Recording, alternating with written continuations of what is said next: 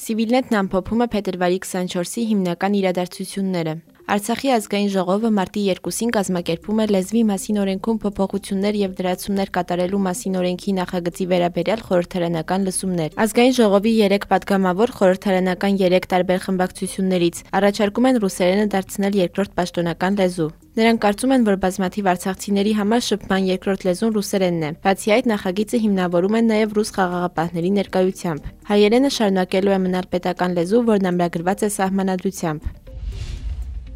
Սասնա ծռերի անդամները մեղավոր են ճանաչվել մեղսագրված բոլոր արարքներում։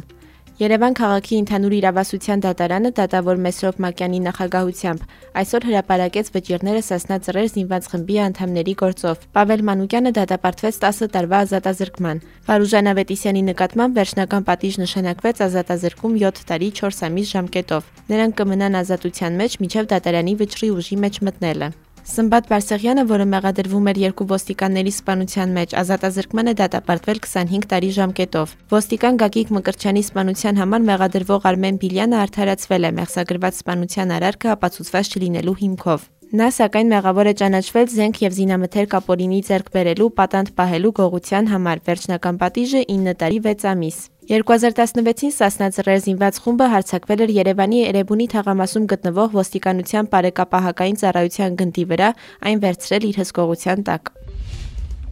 Ընդդիմությունն այսօր բողոքի ցույցեր է անցկացրել Բուհերում։ Երևանի պետական համալսարանում երիտասարդները մտել են տարբեր լսարաններ ուսանողներին եւ դասախոսներին կոչ արել միանալ առանց Նիկոլ Հայաստան պայքարին։ Երևանի պետական համալսարանից հետո քաղաքացիները շարժվել են Հայաստանի պետական տնտեսագիտական համալսարան, սակայն ոստիկանները թույլ չեն տվել նրանց մտնել համալսարանի դարպասներից ներս։ Ոստիկանների եւ քաղաքացիների միջև հրմշտոց է տեղի ունեցել։ Ի վերջո քաղաքացիներին հաջողվել է այլ մուտքով մտնել համալսարան։ Վրաստանը Հայաստանի քաղաքացիների համար բացել է օթային ճանապարհը։ Մարտի 1-ից հնարավոր է Վրաստան մեկնել կորոնավիրուսի ՊՇՌ բացասական թեստ ներկայացնելու դեպքում։ Նախկին կարգավորումների համաձայն Հայաստանի Հանրապետության քաղաքացիները Վրաստան կարող էին մեկնել, եթե կորոնավիրուսի դեմ պատվաստվել էին։ Ցամաքային ճանապարհը դեռ փակ է։ Թուրքիայի արտգործնախարար Մևլութ Չավուշօղլուն հայտարարել է, որ Թուրքիան համարժեք արձագանքի Հայաստանի դրական քայլերին։ Պատերազմից հետո պաշտոնական Անկարայից բարբերաբար հնչում են Հայաստանից ակնկալվող դրական քայլերի խաղաղության հաստատման մասին հայտարարություններ։ Ավելի վաղ Հայաստանի արտգործնախարար Արա Այվազյանը հայտարարել էր, որ այլևս պատճառ չկա, որ Թուրքիան Հայաստանի նկատմամբ շրջափակում կիրառի։